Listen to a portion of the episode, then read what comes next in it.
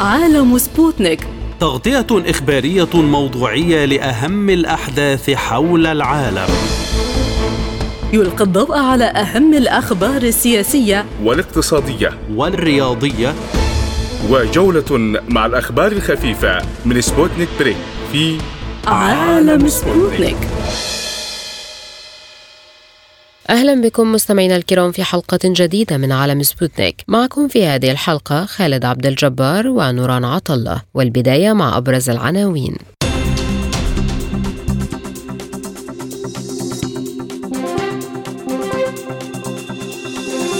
إندونيسيا تطرح خطة لتسوية النزاع في أوكرانيا تشمل وقف إطلاق النار وإنشاء منطقة منزوعة السلاح. تدهور الأوضاع الإنسانية في السودان واشتباكات عنيفة في الخرطوم والدعم السريع يسيطر على المتحف القومي. وزيرا الدفاع المصري والإسرائيلي يناقشان هاتفيا ملابسات الحادث الحدودي. أردوغان يعلن عن الشروع في كتابة دستور جديد بدلا من الحالي الذي كان ثمرة لانقلاب عسكري. واقتصاديا موجة كبيرة من إبرام الاتفاقيات لمقاومة دولرة المعاملات ومساع لتبادل الصادرات بالعملات المحلية.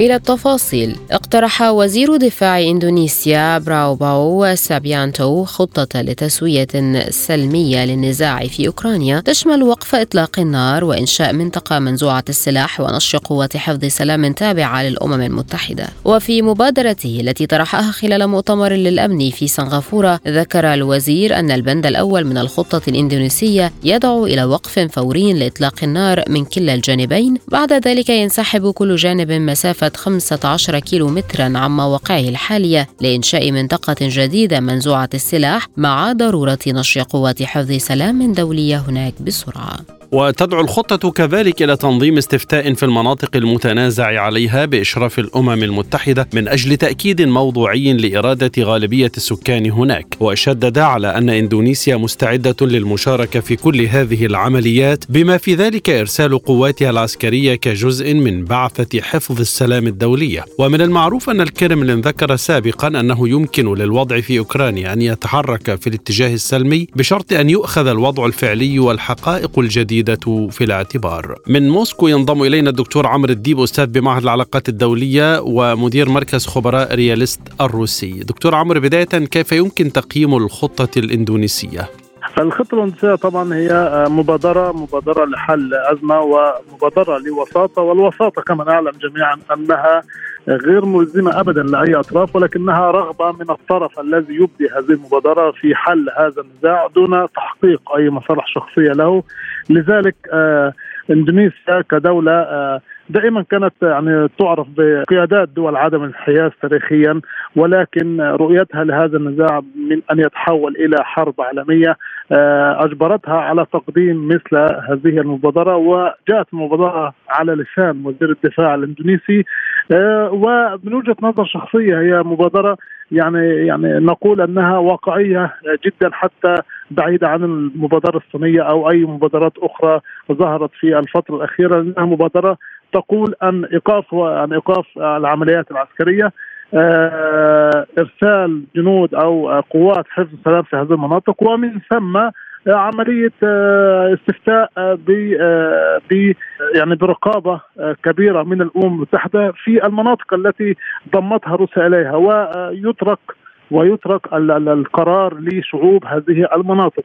وهذه المبادرة هي بالفعل واقعية ولذلك جاء رفض أوروبي مباشرة حتى في نفس الجلسة لهذه المبادرة لأن الأوروبيين وبشكل خاص طبعا يعني بعيدا عن أوروبا بشكل خاص بريطانيا العظمى الولايات المتحدة الأمريكية يقفون ضد أي عملية سلام في هذه العمليات العسكرية لأن الهدف الأساسي لهم هو إضعاف روسيا إدخال روسيا واستمرار العمليات العسكرية من أجل أن تضعف روسيا من الداخل قبل لأن المواجهة مع روسيا بالطبع كما نعلم مواجهة مستحيلة إذا ما واجه الغرب روسيا. لذلك يعملون على إطالة أمد هذا الصراع بكل الطرق الممكنة. نتذكر جميعا عمليات المفاوضات التي كانت تتم في تركيا وبريطانيا قامت بإيقاف هذه المفاوضات من خلال اتصالات مع القيادة الأوكرانية وتم الانسحاب الأوكراني من هذه المفاوضات، يعني الرغبة الغربية واضحة جدا في إطالة أمد هذا الصراع ولن تنفع معها أي مبادرات سلام من أي دول آه، في العالم سواء كانت الدول هذه محسوبة على الغرب أو غير محسوبة على الغرب أو آه، دول تشكل حركة العالم الانحياز الدولي. يعني آه، الهدف الغربي فقط إطالة أمد الصراع. ولذلك لن تنفع معها أي مبادرات سلام والذي ينفع معها فقط هو يبدو استمرار العمليات العسكرية ومحاولة تنفيذ أو الحصول على نجاحات على الأرض من أجل إجبار الغرب إجبار الوكيل الأوكراني في هذه المنطقة على القبول أو بكل صراحة وبكل اختصار على الاستسلام. هل يعتبر الاقتراح الإندونيسي طرحا جديدا؟ يعني ما الجديد فيه؟ الجديد هو آه، هو مسألة الاستفتاء على من جانب شعوب المناطق التي تم ضمها إلى الاتحاد الروسي وأن يكون الاستفتاء هذا تحت آه، ضمانات أو تحت مراقبة من الأمم المتحدة. هذا هو الجديد. وبالطبع أيضا هناك نقطة جديدة هو الاقتراح من ثلاث نقاط فقط. اولا إيقاف عسكرية. ثانيا إرسال آه، قوات حفظ السلام. وإندونيسيا مستعدة لإرسال قوات لها في هذه المناطق. ثالثا إجراء استفتاء. يعني اقتراح من ثلاث نقاط بسيطة جدا ولكنها مهمة جدا آه، ولكن كما قلت في رد على السؤال الأول الغرب لا يريد هذا الاقتراح لأنه آه، يعني يوقف كل الخطط التي وضعها الغرب من أجل آه، إطالة آمد هذا الصراع. وما هي أهم النقاط التي يمكن أن تكون موضع خلاف بين الجانبين؟ في المقترح الإندونيسي الغرب يعلم تماما أن شعوب المناطق ستصوت إلى آه، إلى صالح الانضمام إلى روسيا. والغرب يعلم ذلك تماما. حتى لو كان آه، الرقابة آتية من الدول الغربية نفسها ليس حتى من الأمم المتحدة. بالرغم أن الأمم المتحدة هي منظمة في آه، طبيعة الحال يعني منظمة طابعه للولايات المتحدة الأمريكية وللدول الغربية الكبرى. ولكن حتى لو كان الرقابة قادمة من عواصم أوروبية باريس لندن واشنطن سيعلمون تماما ويعلمون تماما أن شعوب المناطق التي تم ضمها إلى روسيا سيصوتون لصالح الانضمام إلى روسيا. لذلك لا يرون لا يرون في هذا الحل أو هذا الاقتراح أي نوع من أنواع الموافقة نهائيا لأنهم آه، بعد الاستفتاء إذا تم سيكون هناك أمام العالم كله آه، حقيقة أن شعوب هذه المناطق بالفعل كانت تريد الانضمام إلى الاتحاد الروسي والاتحاد الروسي أجبر على بدء العمليات العسكرية بسبب كل العمليات العسكرية التي كانت تتم ضد شعوب هذه المناطق منذ أكثر من ثمان سنوات، لذلك هم آه، لن يوافقوا وهم بالفعل لم يوافقوا على هذا المقترح بشكل مباشر بعد كلمة وزير الدفاع الاندونيسي، آه، فالثلاث نقاط هذه مرفوضه تماما آه، تماما من جانب الغرب لأنها تقوم بنسف كل الخطط الغربية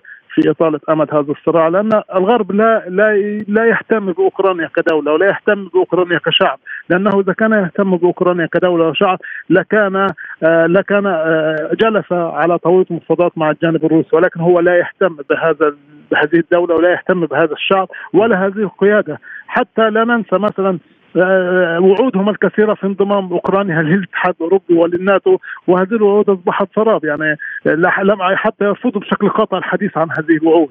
فلذلك هم لا يهتمون بالشعب الأوكراني لا يهتمون بالدولة الأوكرانية ولا القيادة الأوكرانية. هم فقط يهتمون بإطالة امد الصراع من أجل إضعاف روسيا. هذا هو الهدف الأهم بالنسبة للغرب الجماعي. دكتور عمرو الديب هل يمكن أن تتبنى الأمم المتحدة الخطة خطة آه، إندونيسيا أو تتدخل دول وسيطة أخرى بين الطرفين على أساس هذا الطرح الإندونيسي؟ الأمم المتحدة آه، كما قلنا هي منظمة تابعة للدول الغربية الكبرى على رسوم الولايات المتحدة الأمريكية بريطانيا. آه، هناك أحاديث كثيرة من جانب الدول الكبرى الأخرى منها الهند تركيا بالطبع الصين وروسيا على إصلاح هذا هذه المنظمة لأن هذه المنظمه بالفعل تابعة للولايات المتحدة الأمريكية بشكل كامل، لذلك لن آه، تستطيع هذه المنظمة الدخول أو حتى تبني هذه المبادرة أو حتى إعطاء رأي إيجابي عن هذه المبادرة، الأمم المتحدة فقط تدخلت فيها الأزمة الأوكرانية الروسية فقط في أزمة الحبوب لأن أزمة الحبوب تهم الجانب الغربي وتهم أوكرانيا. لذلك تدخلت فيها وقامت برعاية هذا هذا الاتفاق مع الجانب التركي. ما دون ذلك لم نسمع أي مبادرة من جانب الأمم المتحدة. التي من أهم وظائفها هي العمل على استتباب الأمن والسلم الدولي. ولم تتدخل الأمم المتحدة على مدار هذا العام نهائيا سوى في أزمة الحبوب فقط لأنها تهتم بشكل شخصي بهذه الأزمة لأنها آه، مهمة للجانب الأوكراني قبل أن تكون مهمة للجانب الروسي، لذلك آه، هذه المبادرة للأسف الشديد فلن يكون لها أي تأثير بالرغم من واقعيتها بالرغم من أهميتها ولكن لن يتم الاعتداد بها لأن الهدف واضح كما قلت وأعيد وكل المستمعين وكل يعني من يقرأ يعلم تماما أن الهدف من هذه الحرب هو اطاله امد الصراع ومحاولة يعني استعادة السيناريو الأفغاني مع الاتحاد السوفيتي السابق.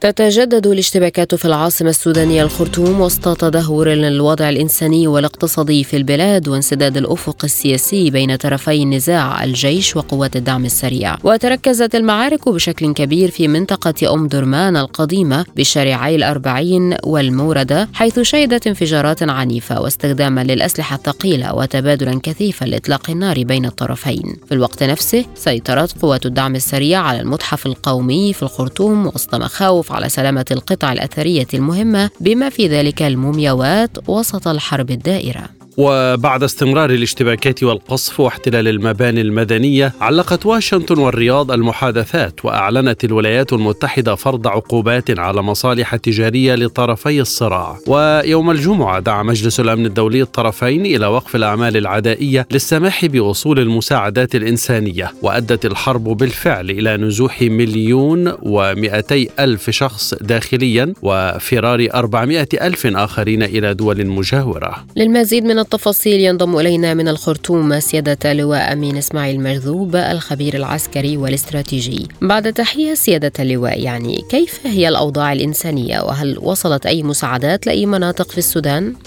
آه مرحبا بك ومرحبا بالسادة المستمعين. آه حقيقة بعد تم تعليق المفاوضات آه بدأت آه اشتباكات عنيفة جدا على الأرض آه باعتبار أن آه الحل السلمي أصبح الآن بعيد المنال.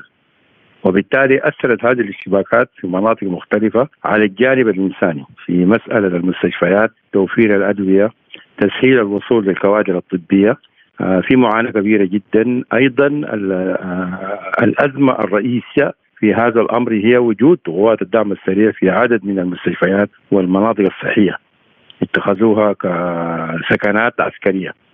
لذلك من الواضح الآن أن المساعدات التي وصلت إلى ميناء بورسودان أو عبر الطائرات في مطار بورسودان تم توزيعها في الولايات الشمالية والشرقية ودخلت كميات بسيطة جدا إلى ولاية الخرطوم لتعذر فتح الطرق خاصة الطريق الرابط بين ولايات البحر الأحمر وشرق السودان ومطار الخرطوم. لذلك في تأثير كبير جدا في النواحي الإنسانية بسبب هذه الاشتباكات التي تجددت بصورة عنيفة. أشبه بالأسبوع الأول لهذه الاشتباكات. هل هناك مخاطر على المتحف القومي ومقتنياته من أي اشتباك؟ المتحف القومي هو واحدة من المباني في شارع النيل وهو يحوي تاريخ السودان وتاريخ المنطقة لارتباط الآثار ما بين السودان وجمهورية مصر وتشاد وليبيا كلها تشترك في مراحل تاريخية مختلفة، حقيقة قوات الدعم السريع اتخذت من المتحف أيضا سكنة عسكرية وبالتالي لعدم دراية الأفراد بما يحويه من مقتنيات. حدث نهب كبير جدا للمصوغات الذهبية وبعض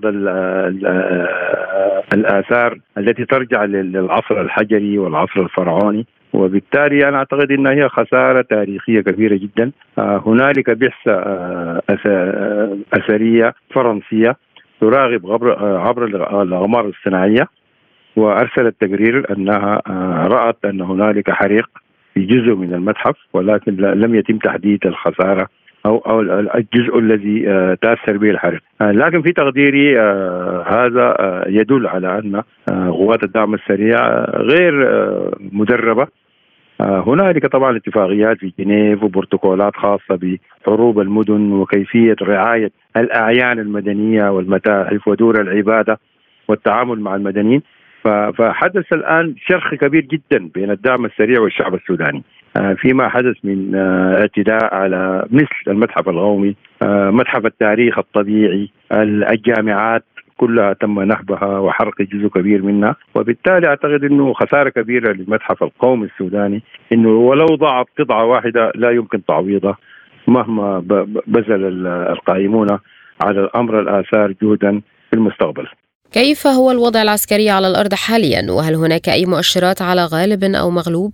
آه، هو طبعا آه، نعم من الصعب انه تحديد الغالب والمغلوب ولكن يمكن بوضوح إنه كل الاشتباكات الآن في الأطراف سواء كان جنوب الخرطوم أو شمال آه، خرطوم بحرية أو حتى جنوب أم درمان. هي في الأطراف. وهذا يعني أن الهدف الرئيس لقوات الدعم السريع لم يتحقق. كانوا يتحدثون في الأيام الأولى عن القيادة العامة عن المطار الخرطوم عن الغفر الجمهوري. وعديد من المناطق العسكرية منطقة الخرطوم بحري منطقة سلاح المهندسين. ويبدو إنه الآن قوات الدعم السريع التجأت إلى الأطراف. في شكل خروج. آه، أو مناورة. يا إما خروج من العاصمة أو مناورة استعدادا لجولة جديدة. آه، لذلك يمكن ان نطلق عليها مرحلة المطاردة والتمشيط من قبل القوات المسلحة آه، لمحاولة إبعاد قوات الدعم السريع من مركز المدن الثلاثة المكونة لولاية الخرطوم العاصمة القومية. وبالتالي إذا حدثت مفاوضات تكون فقط لمعالجة الأمر العسكري وهو دمج قوات الدعم السريع وربما تكون هنالك مرحلة أخرى هي مرحلة معالجة الأزمة السياسية والانتقال الديمقراطي ومدنية الحكم في السودان. أخيرا هل تتوقع تهدئة الأمور أم تصعيدها؟ أنا أعتقد إنه هذا آه، يعني تصعيد يسبق جولة مفاوضات يعني آه، يبدو إنه الوسطاء آه، بتعليق المفاوضات من جانبهم والعقوبات التي اغرها الرئيس بايدن على على طرفي الصراع في السودان. يبدو أن هنالك جولة قادمة في الأيام القادمة ولكن التصعيد الحالي هو في محاولة الدخول بموقف تفاوضي قوي باحتلال مواقع على الأرض مؤثرة أو حتى محاولة إنجاز خطة لحل الأزمة عسكريا والدخول في مفاوضات خاصة بالدمج أو الأزمة السياسية. لذلك أعتقد أنه آه، هو تصعيد مقصود للمفاوضات القادمة ولن تهدأ الأمور ما لم تكن جلسة مفاوضات وتهدئة في القريب العاجل.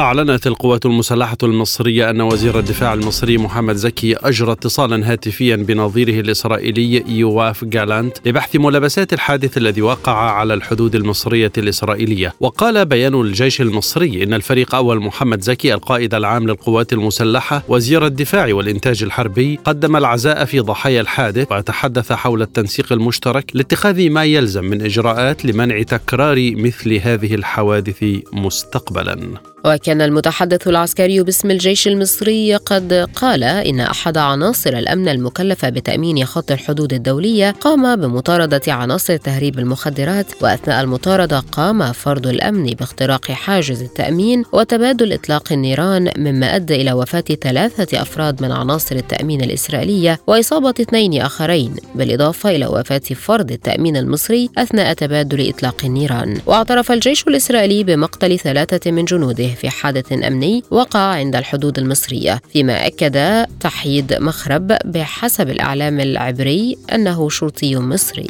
من القاهرة ينضم إلينا العميد سمير راغب رئيس المؤسسة العربية للتنمية والدراسات الاستراتيجية عضو جمعية المحاربين القدماء. سيادة العميد سمير ما هي ملابسات هذا الحادث الذي اشتبك فيه جندي مصري مع عدد من الجنود الإسرائيليين؟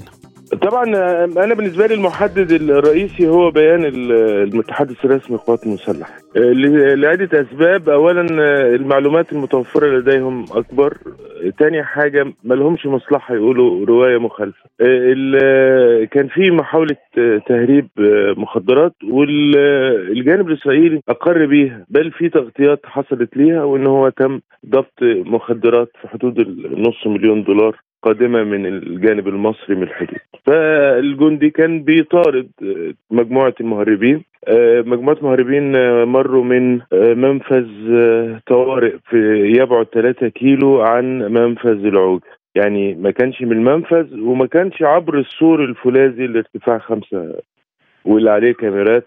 لا يعني نفسه توغل. طبعا إحنا بنتكلم في ساعات الفجر الأولى يعني الرؤية مش واضحة فجأة لقى نفسه تورط داخل اراضي على الجانب الآخر الحدود على الأراضي الإسرائيلية. ف من وجهة نظري إن أول اتنين آه، آه، قام بإطلاق النار عليهم هم بدروا بإطلاق نيران آه، لكن لم تصبهم فبالتالي هو كان في هذا الوقت في في يعني مش عايز أقول في حالة دفاع شرعي عشان ما دخلش قصة الشرعية لكن أكيد تصرف بغريزة البقاء.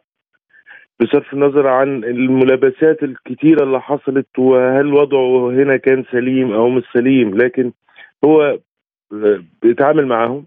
بعدها لقى نفسه لابد إن هو لا عارف يرجع لأن المنفذ اللي عدى منه اتقفل فتوغل مسافة تقريبا كيلو ونص اختبأ لحدود الاربع ساعات لغاية ما اكتشفوا الجانب الاسرائيلي اللي هو قتل جندي مجند ومجندة. بعدها بقت الدوريات بتمشط. في أحد الدوريات شافه اشتبك معاه اشتبك مع الدورية فقتل مجند واصاب ظابط وبعدها يعني الدوريات عملت معاه. فقتلته. ده ده من وجهة نظري. آه، وهو مبني على على البيان العسكري المصري. وزيراء الدفاع المصري والإسرائيلي ناقشا هاتفيا ملابسات الحادث. هل يتم احتواء الأمر سريعا بين الجانبين أم يمكن أن يكون مقدمة لتوتر ما؟ لن يحدث توتر وتم احتواء الموضوع من الدقائق الأولى وما نقيس موقف الحكومات من تفاعل الإعلام في في إسرائيل أو في دولة أخرى. العلاقات استراتيجية الحادثة غير مسبوقة. لأن في ناس بتربط بحوادث أخرى كانت الأمور مختلفة. يعني سليمان خاطر كان في شرم الشيخ ما كانش على الحدود. يعني فأيمن نفس الحكاية ما كانش ما لم يتوغل داخل الحدود الإسرائيلية. المدرعه اللي, التنظيم الإرهابي ولاية سينا كان خط يعني آه، قتل طاقمها وخطفها وعبر منفذ كرم أبو سالم. لم تكن المدرعه مصريه لكن من فيها كانوا إرهابيين والمصريين كلموا الإسرائيليين والإسرائيليين قاموا بتدميرها عن طريق طائرة أباتشي والتنسيق والعملية كلها تمت في حدود الخمس دقائق. فلما نتكلم على علاقة من عام 79 آه، مصر حافظت على كافة التزامات المعاهدة وخاصة في الملحق الأمني اللي هو بينظم موضوع التواجد والتنسيق. آه، مصر منعت عبور الإرهاب لإسرائيل وكان آه، يعني آه، خارج إرادتها. يعني يعني لو كانت يعني هم كانوا بيهددونا ولكن رغم إن هم بيهددونا إلى إنهم كانوا آه، كانت مصر بالتنسيق مع الجانب الإسرائيلي مكثفة الحراسات على الحدود أن لا ينتقل إلى الضفة الأخرى لحين ما تم القضاء على الإرهاب. لو اتكلمنا على المستوى الاستراتيجي في إسرائيل يعني الحدود الجنوبية اللي مع مصر مطلق على الجبهه الجنوبية هي الأكثر امنا عن باقي الجبهات. يعني باقي الجبهات آه، كلها بيكون فيها تهديدات وبيكون فيها حالة من عدم اليقين وعدم الثقة.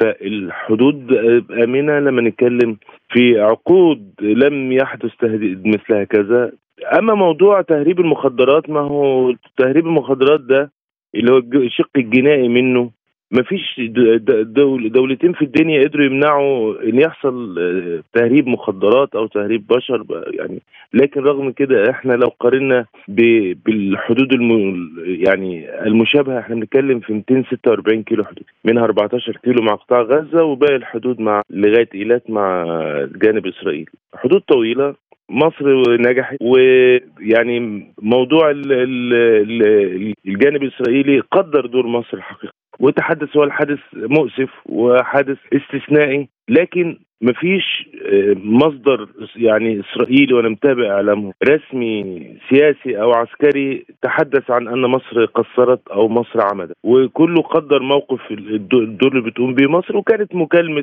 السيد القائد العام للقوات المسلحة وزير الدفاع والإنتاج الحربي المصري لنظيره الإسرائيلي. هي يعني هي من نوع من المكالمات البروتوكولية لكن تأكد تماما إن قنوات الاتصال الأجهزة الأمنية والعسكرية فاعله من اللحظة الأولى للحدث بالإضافة طبعا للقناه السياسية لأن طبعا الموضوع وصل للمستوى السياسي. فالعلاقات توصف بأنها استراتيجية و... وأنجح تجربة سلام مش في المنطقة بل في العالم. وأعتقد إن قوة العلاقة بتبان في ال... في الظروف دي. وأعتقد إن نتنياهو يعني أصدر تعليمات شفهية للكابينت يعني بأن ال... بعمق العلاقات المصرية وان ما تخرجش أي تصريحات قد تعكر صفوة. إذا بما تفسر رسالة العميد سمير احتفاء مواقع التواصل بالجندي المصري بعد انتهاء الحرب كما أشرت وعقد السلام مع إسرائيل والتعاون على مستوى السلطات المتعاقبة كما أشرت منذ قليل. دكتور خالد السلام أنا كدولة ملتزمة أن لا يخرج شيء عدائي من شعبي لدولة أنا موقع معها سلام. لكن مش دور الدولة ولا مهمة الدولة إن تخلي المصريين يغيروا مواقفهم أو يحبوا دولة أو يكرهوا دولة. ده ما فيش دولة دورها ده. اللي بيظهر في الشارع المصري هو انطباع لما تقوم به إسرائيل في اتجاه شقائنا الفلسطينيين سواء كانوا في في في في في, في الأراضي المحتلة أو في غزة أو في في كامل التراب الوطني الفلسطيني. فأنا كدولة يعني مصر كدولة أو أي دولة ما تقدرش تحاسب دولة موقعة سلام أن تحاسب دولة على الشعور لدى شعبها. إحنا عندنا الشعب حر حر فيما يعتقد أو لا يعتقد. في أي فكرة يرى أنها سليمة يكون موقفه. لكن فكرة أن يتحول تعبر زي ما أنت عايز لكن يتحول إلى سلوك عدائي مادي مصر هتمنع ده. لأن مصر دولة بتحترم المعاهدات. بتعترف بالاتفاقيات ومصر دولة بتكوينها. يعني إحنا ما عندناش لا عداء لعرق ولا عداء لدين إحنا ما لناش موقف معادي من الديانة اليهودية أو من من يعني كانوا بيعتبروا اليهودية عرق أيضا. لكن الشعب حر الشعب يعبر آه لكن أنا كمواطن مصري فكرة إن آه الترويج ان ما حدث عبر الحدود هو عملية فدائية. أو عمليه ده ده كلام خطأ وده كلام بيسوء لنا بالمناسبة. العسكريين ملتزمين ومنضبطين وما يحصلش منهم ده. أنا ضد ده ضد فكرة على التواصل الاجتماعي إنك تروج لرواية ما حصلتش. أدى الرئيس التركي رجب طيب أردوغان اليمين الدستورية لولاية رئاسية جديدة مدتها خمس سنوات وسط حضور عربي بارز لمراسم تنصيبه. وعقب انتهاء مراسم تنصيب الرئيس التركي وأدائه اليمين الدستورية قال أردوغان إنه سيعزز الديمقراطية بدستور جديد حر ومدني وشامل للتحرر من الدستور الحالي الذي كان ثمرة لانقلاب عسكري. ودعا أردوغان إلى الوحدة. قائلا إنه اليوم الوحدة والتكاتف وترسيخ إخوتنا الممتد ممتدة منذ ألف عام. وأعرب الرئيس التركي عن تطلعه إلى تحلي المعارضة بحس المسؤولية فيما يتعلق بسلامة الديمقراطية التركية وأن تتصالح مع الإرادة الوطنية مضيفا أنه عقب كل انتخابات يمد يده للمعارضة لكنها ترفض المصافحة. وأعرب عن أمله أن يكون الوضع مختلفا هذه المرة. من إسطنبول ينضم إلينا الكاتب والمحلل السياسي التركي محمود عثمان. أستاذ محمود ماذا يعني إعلان أردوغان كتابة دستور جديد؟ تركيا بأمس الحاجة إلى دستور جديد دستور مدني جديد. الدستور الحالي أساسه مكتوب من قبل العسكر بعد انقلاب عام 1980 جميع الأحزاب السياسية التركية دون استثناء تنص في برامجها السياسية على كتابة دستور مدني جديد. لكن عندما دعا دعت حكومة العدالة والتنمية السابقة أو التي قبلها بالأحرى عندما دعت إلى التوافق على كتابة دستور جديد المعارضة وضع قيل ثم كان هناك اجتماعات تم الاتفاق على تغيير 61 مادة آه وفعلا آه تم تغييرها. لكن يعني تقريبا أكثر من ثلثي آه مواد الدستور تغيرت. لكن ليس تغييرا جزئيا وتغييرا على مدى زمني طويل. وبالتالي فقد الدستور تناسقه وتماسكه وباتت الحاجة ملحة كما كانت من قبل ملحة إلى دستور مدني جديد يليق بتركيا. الحديثة تركيا الدولة الإقليمية التي ضربت مثالا جميلا للتعاطي الديمقراطي لكن وفق هذا هل تشهد تركيا تغييرا جديدا في شكل الحكم أو السياسات؟ أه، لا أعتقد ذلك على العكس من ذلك سوف يكون عملية انضاج للنظام السياسي الرئاسي الجديد أه، حيث هناك بعض الملاحظات التي أقر بها حتى الرئيس أردوغان وحكومته وقيادات حزب العدالة والتنمية. أه، هناك الكثير من الاقتراحات. أعتقد أن روح الدستور الحالي سوف يتم المحافظة عليها وخصوصا آه، المواد الثلاثة أو المواد الأربعة الأولى من الدستور آه، تركيا بلد ديمقراطي علماني الدولة التركية دولة اجتماعية مدنية.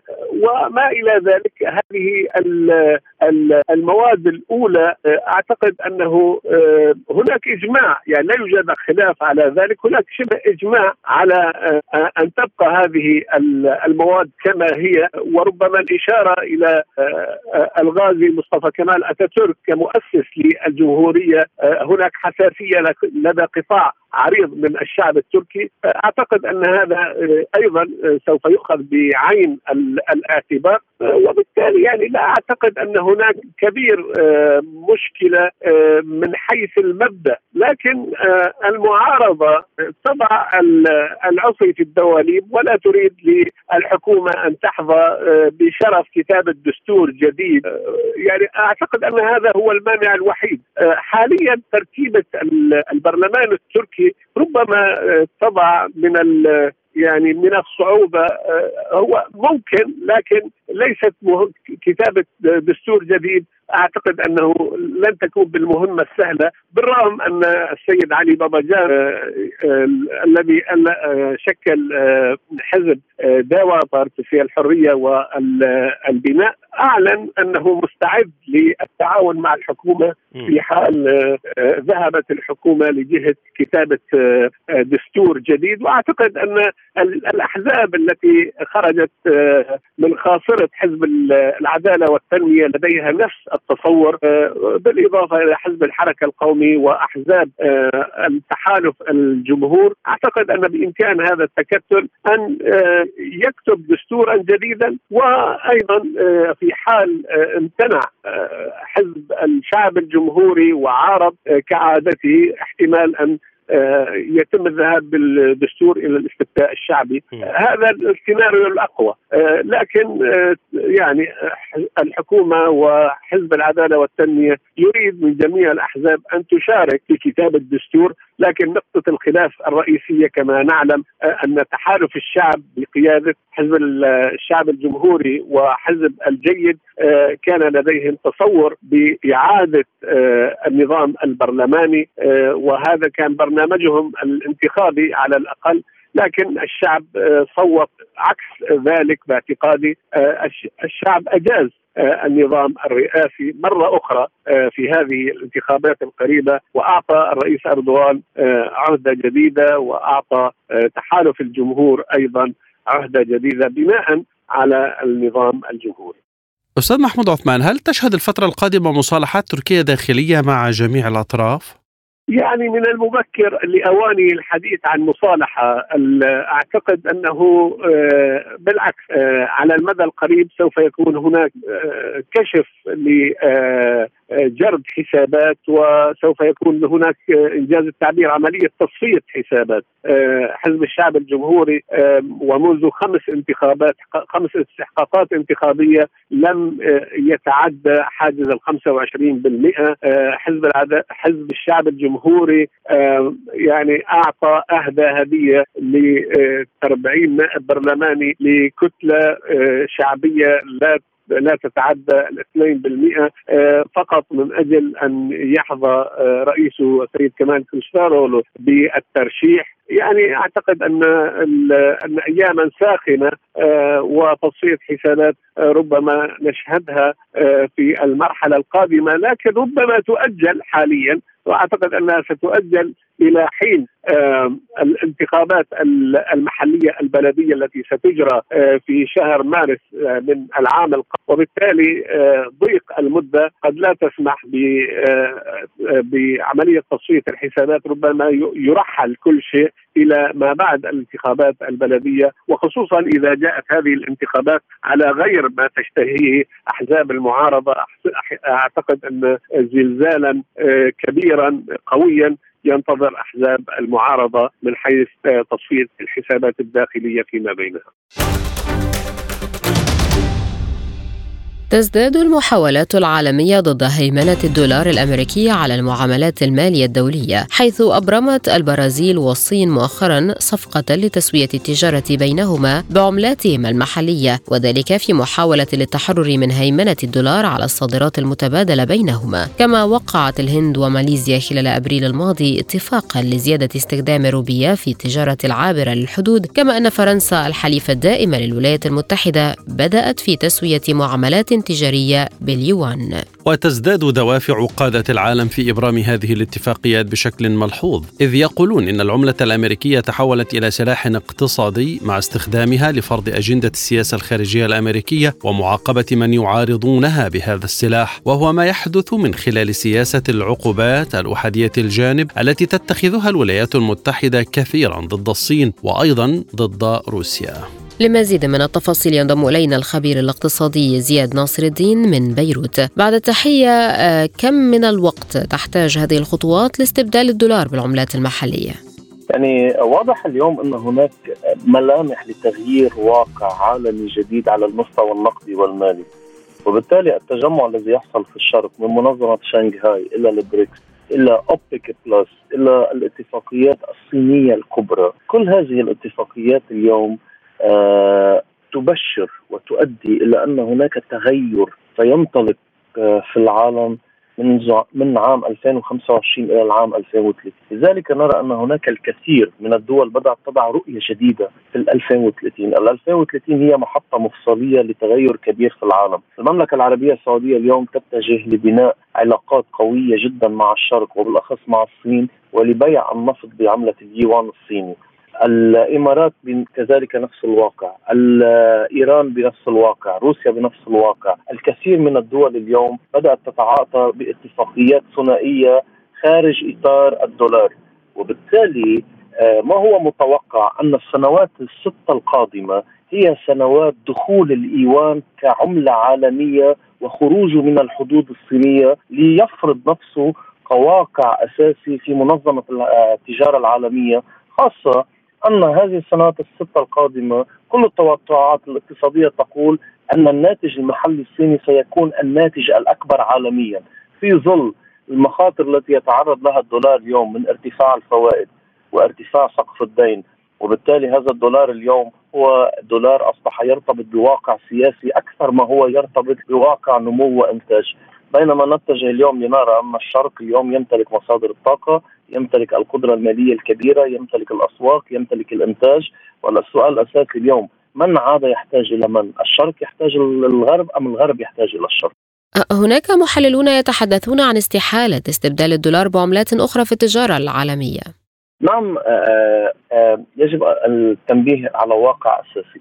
هناك اختلاف اليوم بين من يصوت للدولار وبين الواقع الاقتصادي الحقيقي. الواقع الاقتصادي يقول أن جزء كبير من العالم اليوم يتعامل مع الصين في منظمة التجارة الدولية وبالتالي هل تستطيع الصين فرض شروطها؟ هل تريد الصين الخروج من الدولار وفرض بين هلالين فرض واقع عملات جديدة؟ الموضوع اليوم يرتبط في المؤتمر الأخير الذي جرى في الصين في أواخر العام 2022 كان هناك توجهات واقعية تقول يجب أن يكون هناك نظام مالي جديد، يجب أن يكون هناك نظام تحويلات مالية جديدة، في الوقت الذي يبدأ العمل بنظام تحويلات مالية جديدة نكون أمام مرحلة جديدة بأن هناك دول ستخرج من هذه العباءة، بالتالي سيكون هناك نظامين ماليين في العالم، نظام مالي يتبع للدولار ونظام مالي يتبع للإيوان. ما هو هذا ما يحدث حاليا ما يخطط له حاليا. هذا يرتبط بواقع الوقت المؤشرات السياسية الاقتصادية تقول أن هذا الموضوع أصبح حتمي والسنوات الخمس القادمة ستدخل في هذا المجرى في ظل المخاطر الكبيرة التي يتعرض لها الدولار وفي ظل شروطه السياسية التي أصبحت عبء على الاقتصاديات بدل ما تكون بدل أن تكون واقع منتج للاقتصاديات هل الولايات المتحدة ستسمح بمثل هذه الخطوة بين الدول الكبرى؟ هذا هو الصراع اليوم. هذا هو اليوم الصراع وربط هذا الصراع بشكل أساسي يرتبط بما يحدث في أوكرانيا. نتيجة الحرب في أوكرانيا سيكون لها تداعيات اقتصادية كبرى على واقع العالم وبالأخص على النظام العالمي الموحد. إذا ما هي أهم العوائق التي تمنع هذه الموجة من الاكتمال؟ يعني العوائق لا يمكن. هناك عوائق سياسية بالتأكيد. هناك صراع كبير اليوم بين الصين والولايات المتحدة الأمريكية. هناك محاولة لحصار الصين وقطع يعني قطع مشروع طريق الحزام والحرير لكن هناك معادلات تتبدل. رؤية العشرين ثلاثين الموجودة اليوم في المملكة العربية السعودية وفي أكثر من دولة في الخليج رؤية العشرين ثلاثين الموجودة للصين لدول الشرق الأوسط لكثير من الدول التي بدأت يعني تدخل ضمن تخطيط جديد خارج نفوذ الولايات المتحدة الأمريكية سياسيا وبالتالي الموضوع ليس بموضوع سهل لكن هناك توجهات بدأت تكون مختلفة خاصة أن الشرق اليوم يطرح معادلات اقتصادية جديدة معادلات رابح رابح معادلات تخرج عن الخضوع السياسي. وبالتالي هذه المعادلات اليوم قائمة على آه، إنشاء مرافق، سكك حديد، طرقات، آه، اقتصاد إنتاجي، فتح أسواق، ممرات آه، كبيرة اليوم لسكك الحديد من أجل أن تكون الصين لديها القدرة على الانتشار بالواقع العالمي، هذا يدخل ضمن صراع الاقتصاد السياسي وبالتالي اليوم صدمة نيكسون التي حصلت واتفاق البترو دولار تمكن خلال 25 سنة من التحكم بالعالم، لكن على مرور العصور والتاريخ لم يكن هناك عملة قادرة على التحكم بالعالم إلى الأبد. وبالتالي كل جزء من العملات لديه فترة محددة. وبالتالي الصراعات السياسية كان لها تأثير كبير. إذا اليوم هناك واقع مختلف. هناك صراع بمصادر الطاقة صراع على التكنولوجيا صراع على الأنظمة المعلوماتية آه، صراع على اقتصاد المعرفة الاقتصاد الرقمي كل هذه اليوم هذه الأمور بدأت يعني آه، تدخل ضمن واقع جديد يخطط له آه، في موضوع العملات الرقمية، التحويلات المالية، ما جرى نظام العقوبات الذي فرضته الولايات المتحدة الأمريكية كان له تأثير سلبي جدا وهو أخذ هذه الدول للتوجه إلى تفكير جديد في ظل ما تمتلكه من قدرات على مستوى الطاقة والعسكر والأسواق وحتى المرافق وحتى القدرات الإنتاجية. عالم سبوتنيك مستمر معكم وهذه جولة من الأخبار حول العالم.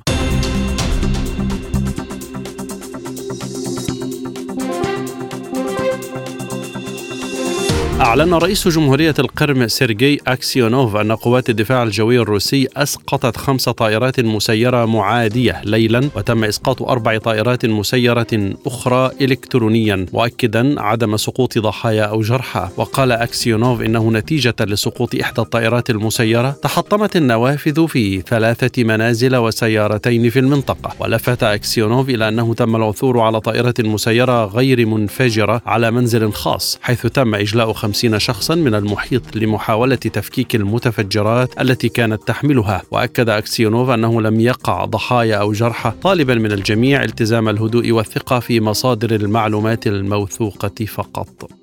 قال رئيس المركز الصحفي لمجموعة قوات فوستوك المقدم أوليغ تشيخوف إن القوات المسلحة الروسية باستخدام أنظمة قاذفات اللهب الثقيلة دمرت نقطة تمركز عسكرية أوكرانية بالقرب من جوليابول وأكد المقدم أن مسيرات لانسيت الانتحارية وهي نوع من الذخيرة المتسكعة دمرت قاعدة مدفعية في كاترينوفكا وعربة قتالية مصفحة وعربة بالقرب من قرية سوخيالي.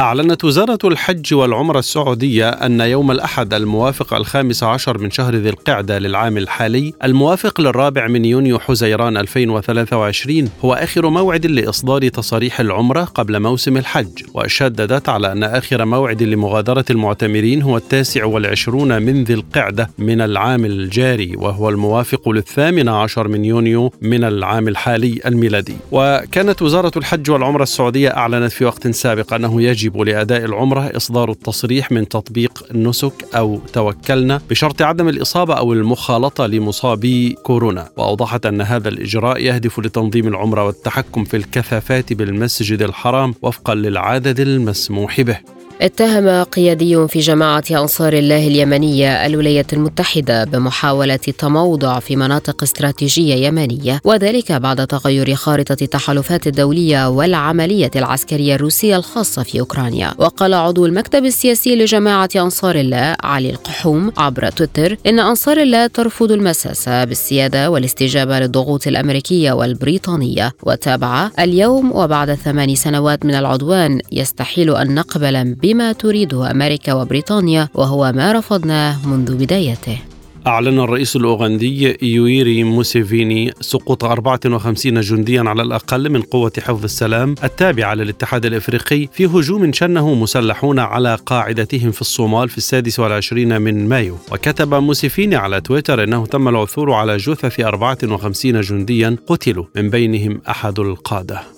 من جانبها نددت وزارة الدفاع الأمريكية بالتصرفات التي قالت إنها خطيرة بشكل متزايد للجيش الصيني في آسيا بعد حادثتين بين قوات البلدين في الأيام الأخيرة. وقال المتحدث باسم البنتاغون بات رايدر الذي يحضر مع وزير الدفاع الأمريكي لويد أوستن مؤتمرا أمنيا في سنغافورة إن واشنطن ما زالت تشعر بقلق إزاء الأنشطة الخطرة والإكراهية بشكل متزايد لجيش التحرير الشعبي في المنطقة.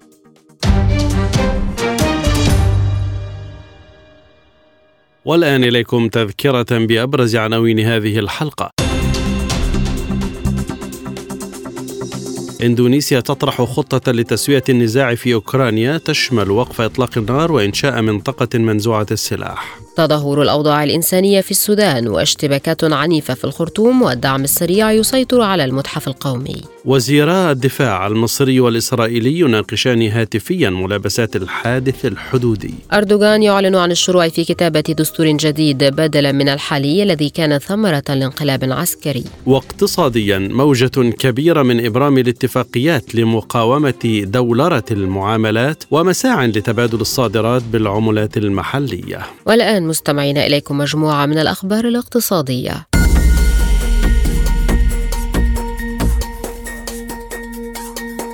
يستمر وزراء منظمات البلدان المصدرة للبترول أوبك في البحث عن اتفاق يواجهون به تقلبات السوق النفطية وذلك بعد مضي يوم كامل من المحادثات الجانبية والرسمية في العاصمة النمساوية فيينا. وتأثرت أسواق النفط بشكل كبير خلال العام الجاري بالضبابية حول نمو الاقتصاد العالمي مما جعل أسعار النفط تفقد نحو 40% من قيمتها منذ بداية العام. برغم أن أوبك كانت قد توصلت مع حلفائها من خارج المنظمة انضم في أكتوبر الماضي إلى اتفاق إلزامي لتخفيض الإنتاج بنحو مليوني برميل يوميا والذي يسري حتى نهاية عام 2023 لكن بعض الدول مثل السعودية وروسيا وعمان والعراق والكويت والإمارات والجزائر قدمت تخفيضات طوعية بنحو مليون وستمائة ألف برميل يوميا. ابتداء من مايو وحتى نهاية العام الجاري زيادة على ما اتفقت عليه في أكتوبر.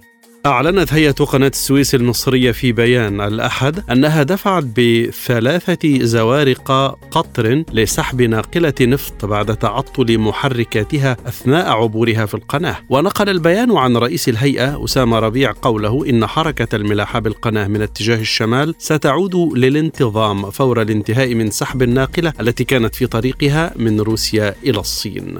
طرح البنك المركزي المصري أذون خزانة بقيمة 40 مليار جنيه نيابة عن وزارة المالية لسد العجز المتواجد بين الإيرادات والمصروفات. وجاءت أذون الخزانة المطروحة على شريحتين بلغت الأولى 23 مليار جنيه لأجل 91 يوما والثانية لمدة 273 يوما لأجل وقيمة 17 مليار جنيه بحسب بيانات البنك. وكان البنك المركزي رفع خلال آخر عطاء يوم الخميس الماضي متوسط أسعار العائد المرجح حتى 23.94 من 100% للأذون أجل ستة شهور ونحو 23.88 من 100% للأذون أجل عام كامل. ويعقد البنك المركزي المصري في الثاني والعشرين من يونيو الجاري اجتماع لجنة السياسات النقدية لبحث أسعار الفائدة المضارة على الأموال المصرفية والتي قررت تثبيتها خلال جولة مايو الماضي عند 18.25 من 100% و19.25 من 100% إيداع وإقراض لليلة واحدة على الترتيب.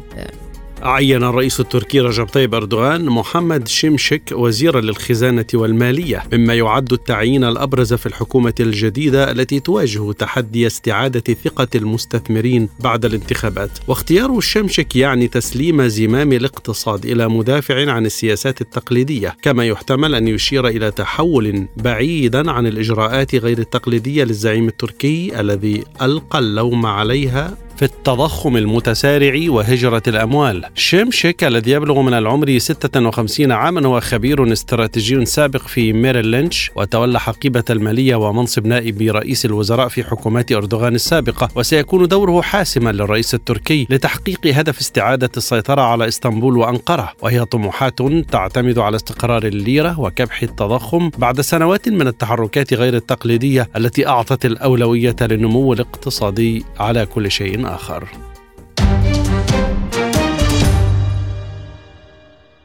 وهذه وقفة إذا مع أخبار الرياضة في عالم سبوتنيك.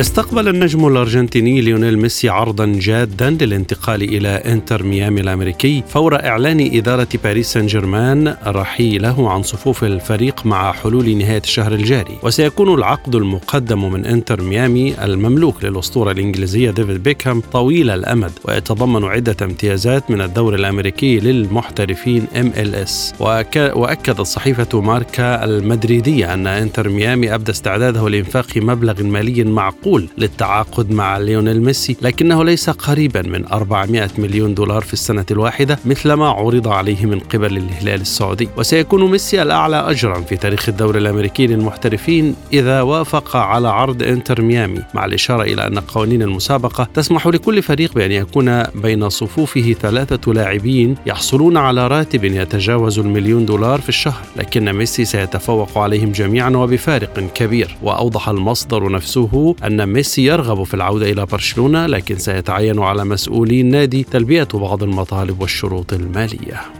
أعلن نادي ريال مدريد في ثلاثة بيانات منفصلة عن رحيل ثلاثة من لاعبيه مع نهاية الموسم الجاري. وأكد نادي ريال مدريد عبر موقعه الإلكتروني الرسمي رحيل ماركو أسينسيو عقب انتهاء عقده وأعرب النادي الملكي عن شكره وامتنانه للاعب الذي دافع عن شعار الفريق الأول لكرة القدم لمدة سبعة مواسم. وفي بيان ثان شكر ريال مدريد مهاجمه ماريانو دياز كما أصدر نادي ريال مدريد بيانا ثالثا أعلن فيه إنهاء تعاقده مع البلجيكي إيدن هازارد بالتراضي. وقال الريال توصل نادي ريال مدريد وإيدن هازارد إلى اتفاق يتم بموجبه تسريح اللاعب من النادي اعتبارا من الثلاثين من يونيو 2023 أعلن نادي ميلان رابع الدوري الإيطالي لكرة القدم أن مهاجمه السويدي المخضرم زلاتان إبراهيموفيتش سيغادر الروسونيري بعد آخر مباراة له هذا الموسم ضد فيرونا. وكان إبراهيموفيتش عاملا رئيسيا في ارتقاء ميلان إلى صدارة كرة القدم الإيطالية بعد عودته إلى النادي بصفقة انتقال حر في أواخر العام 2019 مما ساعد على نهوض النادي من حالة الركود والفوز في نهاية المطاف بلقب الدوري الموسم الماضي. وبعد أن لعب دورا فاعلا في تألق ميلان على الساحتين الإيطالية والقارية. بلغ نصف نهائي مسابقة دوري أبطال أوروبا هذا الموسم وخسر أمام إنتر 0-3 بإجمالي المباراتين. لم يشارك زلاتان كثيرا في تشكيلة المدرب ستيفانو بيولي هذا الموسم إذ عاد إلى الملاعب في فبراير بعد خضوعه لجراحة في ركبته اليسرى في مايو 2022 وكان إبراهيموفيتش عبر عن رغبته في خوض كأس أوروبا 2024 مع منتخب بلاده عندما سيكون بعمر الثانية والأربعين. تأهلت التونسية أنس جابر إلى الدور الرابع في بطولة رولان جاروس الفرنسية ثانية البطولات الأربعة الكبرى في التنس بفوزها على السربية أولغا دانيلوفيتش وحسمت أنس المصنفة السابعة في البطولة المباراة بمجموعتين مقابل مجموعة واحدة بواقع 4 6 و 6 4 و 6 2 وذلك في غضون ساعتين واثنتي عشرة دقيقة لتواجه في الدور المقبل الأمريكية برناردا بيرا. وعادلت أنس بالتالي بالتالي أفضل نتائجها في رولان جاروس حيث سبق وأن وصلت إلى الدور الرابع مرتين من قبل عامي 2020 و2021 وعانت أنس في مستهل العام الحالي بعد نهايتها الرائعة للماضي عندما بلغت نهائيين كبيرين في وامبلدون وفلاشينج ميدوز وحققت أول ألقابها في دورات الألف نقطة في مدريد. وخرجت من الدور الثاني في أستراليا المفتوحة وانسحبت من العديد من الدورات بسبب الإصابة.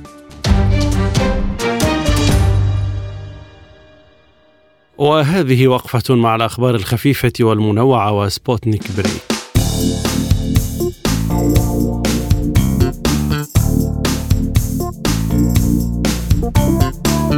توصلت دراسة جديدة إلى أنه قد يكون هناك مئات الملايين من الكواكب الصالحة للحياة في مجرة درب التبانة حيث تقع المجموعة الشمسية ومن ضمنها الأرض. وبحسب الدراسة فإن معظم النجوم في مجرتنا هي أقزام تسمى أحيانا الأقزام الحمراء وهي أصغر حجما وأكثر احمرارا من الشمس وقد يكون لدى العديد منها القدرة على استضافة الحياة وذلك وفق موقع Live Science وأظهرت الدراسة وهي تحليل جديد للبيانات المأخوذة من مهمة كبلر لصيد الكواكب أن أن ثلث الكواكب حول الأقزام الحمراء قد تكون مناسبة للحياة مما يعني أنه من المحتمل وجود مئات الملايين من الكواكب الصالحة للسكن في مجرة درب التبانة وحدها. ولمهمة التحليل أدرج علماء الفلك في جامعة فلوريدا معلومات جديدة من القمر الصناعي جايا التابع لوكالة الفضاء الأوروبية الذي يقيس بدقة مسافات وحركات النجوم لضبط قياسات مدارات الكواكب الخارجية. حقق العلماء في معهد فرانسيس كريك تقدما كبيرا في مجال علم المناعة من خلال اكتشاف أن المحلي الاصطناعي سكرالوز يمكن أن يكون له فوائد علاجية. ووجدت الدراسة والتي نشرت في دورية نيتشر أن الفئران التي تغذت على مستويات عالية من السكرالوز شهدت انخفاضا في تنشيط الخلايا التائية والتي تلعب دورا حيويا في الجهاز المناعي. إذا حصلت هذه التأثيرات على البشر كذلك سيمكن استخدام السكرالوز علاجيا. لتثبيط استجابات الخلايا التائية مما قد يكون مفيدا للمرضى الذين يعانون من أمراض المناعة الذاتية وتنشيطا غير منضبط للخلايا التائية ويستخدم السكرالوز بشكل شائع كمحلي اصطناعي في منتجات الطعام والشراب وهو أحلى بحوالي 600 مرة من السكر. ومع ذلك فإن تأثير السكرالوز على الجسم لم يتم فهمه بالكامل بعد. وأشارت الدراسات السابقة إلى أنه يمكن أن يؤثر على صحة الإنسان من خلال التأثير على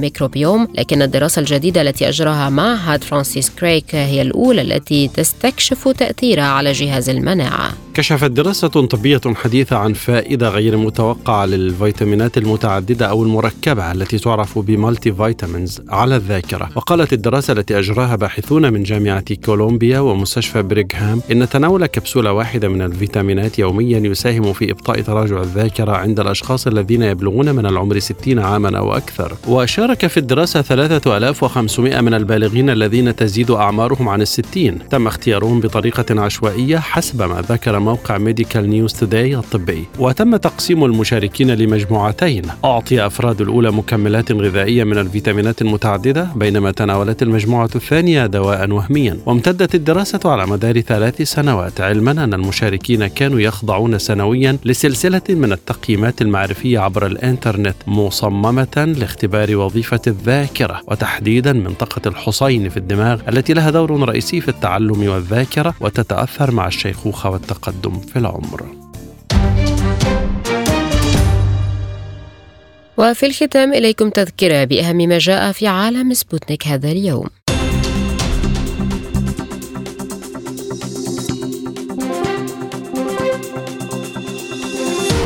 إندونيسيا تطرح خطة لتسوية النزاع في أوكرانيا تشمل وقف إطلاق النار وإنشاء منطقة منزوعة السلاح. تدهور الأوضاع الإنسانية في السودان واشتباكات عنيفة في الخرطوم والدعم السريع يسيطر على المتحف القومي. وزيرا الدفاع المصري والإسرائيلي يناقشان هاتفيا ملابسات الحادث الحدودي. أردوغان يعلن عن الشروع في كتابة دستور جديد بدلا من الحالي الذي كان ثمرة لانقلاب عسكري. واقتصاديا موجة كبيرة من إبرام الاتفاقيات لمقاومة دولرة المعاملات ومساع لتبادل الصادرات بالعملات المحلية. ورياضيا ليونيل ميسي يتلقى عرضا جادا للانتقال إلى إنتر ميامي الأمريكي فور إعلان إدارة باريس سان جيرمان عن رحيله عن صفوف الفريق. للمزيد زوروا موقعنا سبوتنيك إلى اللقاء.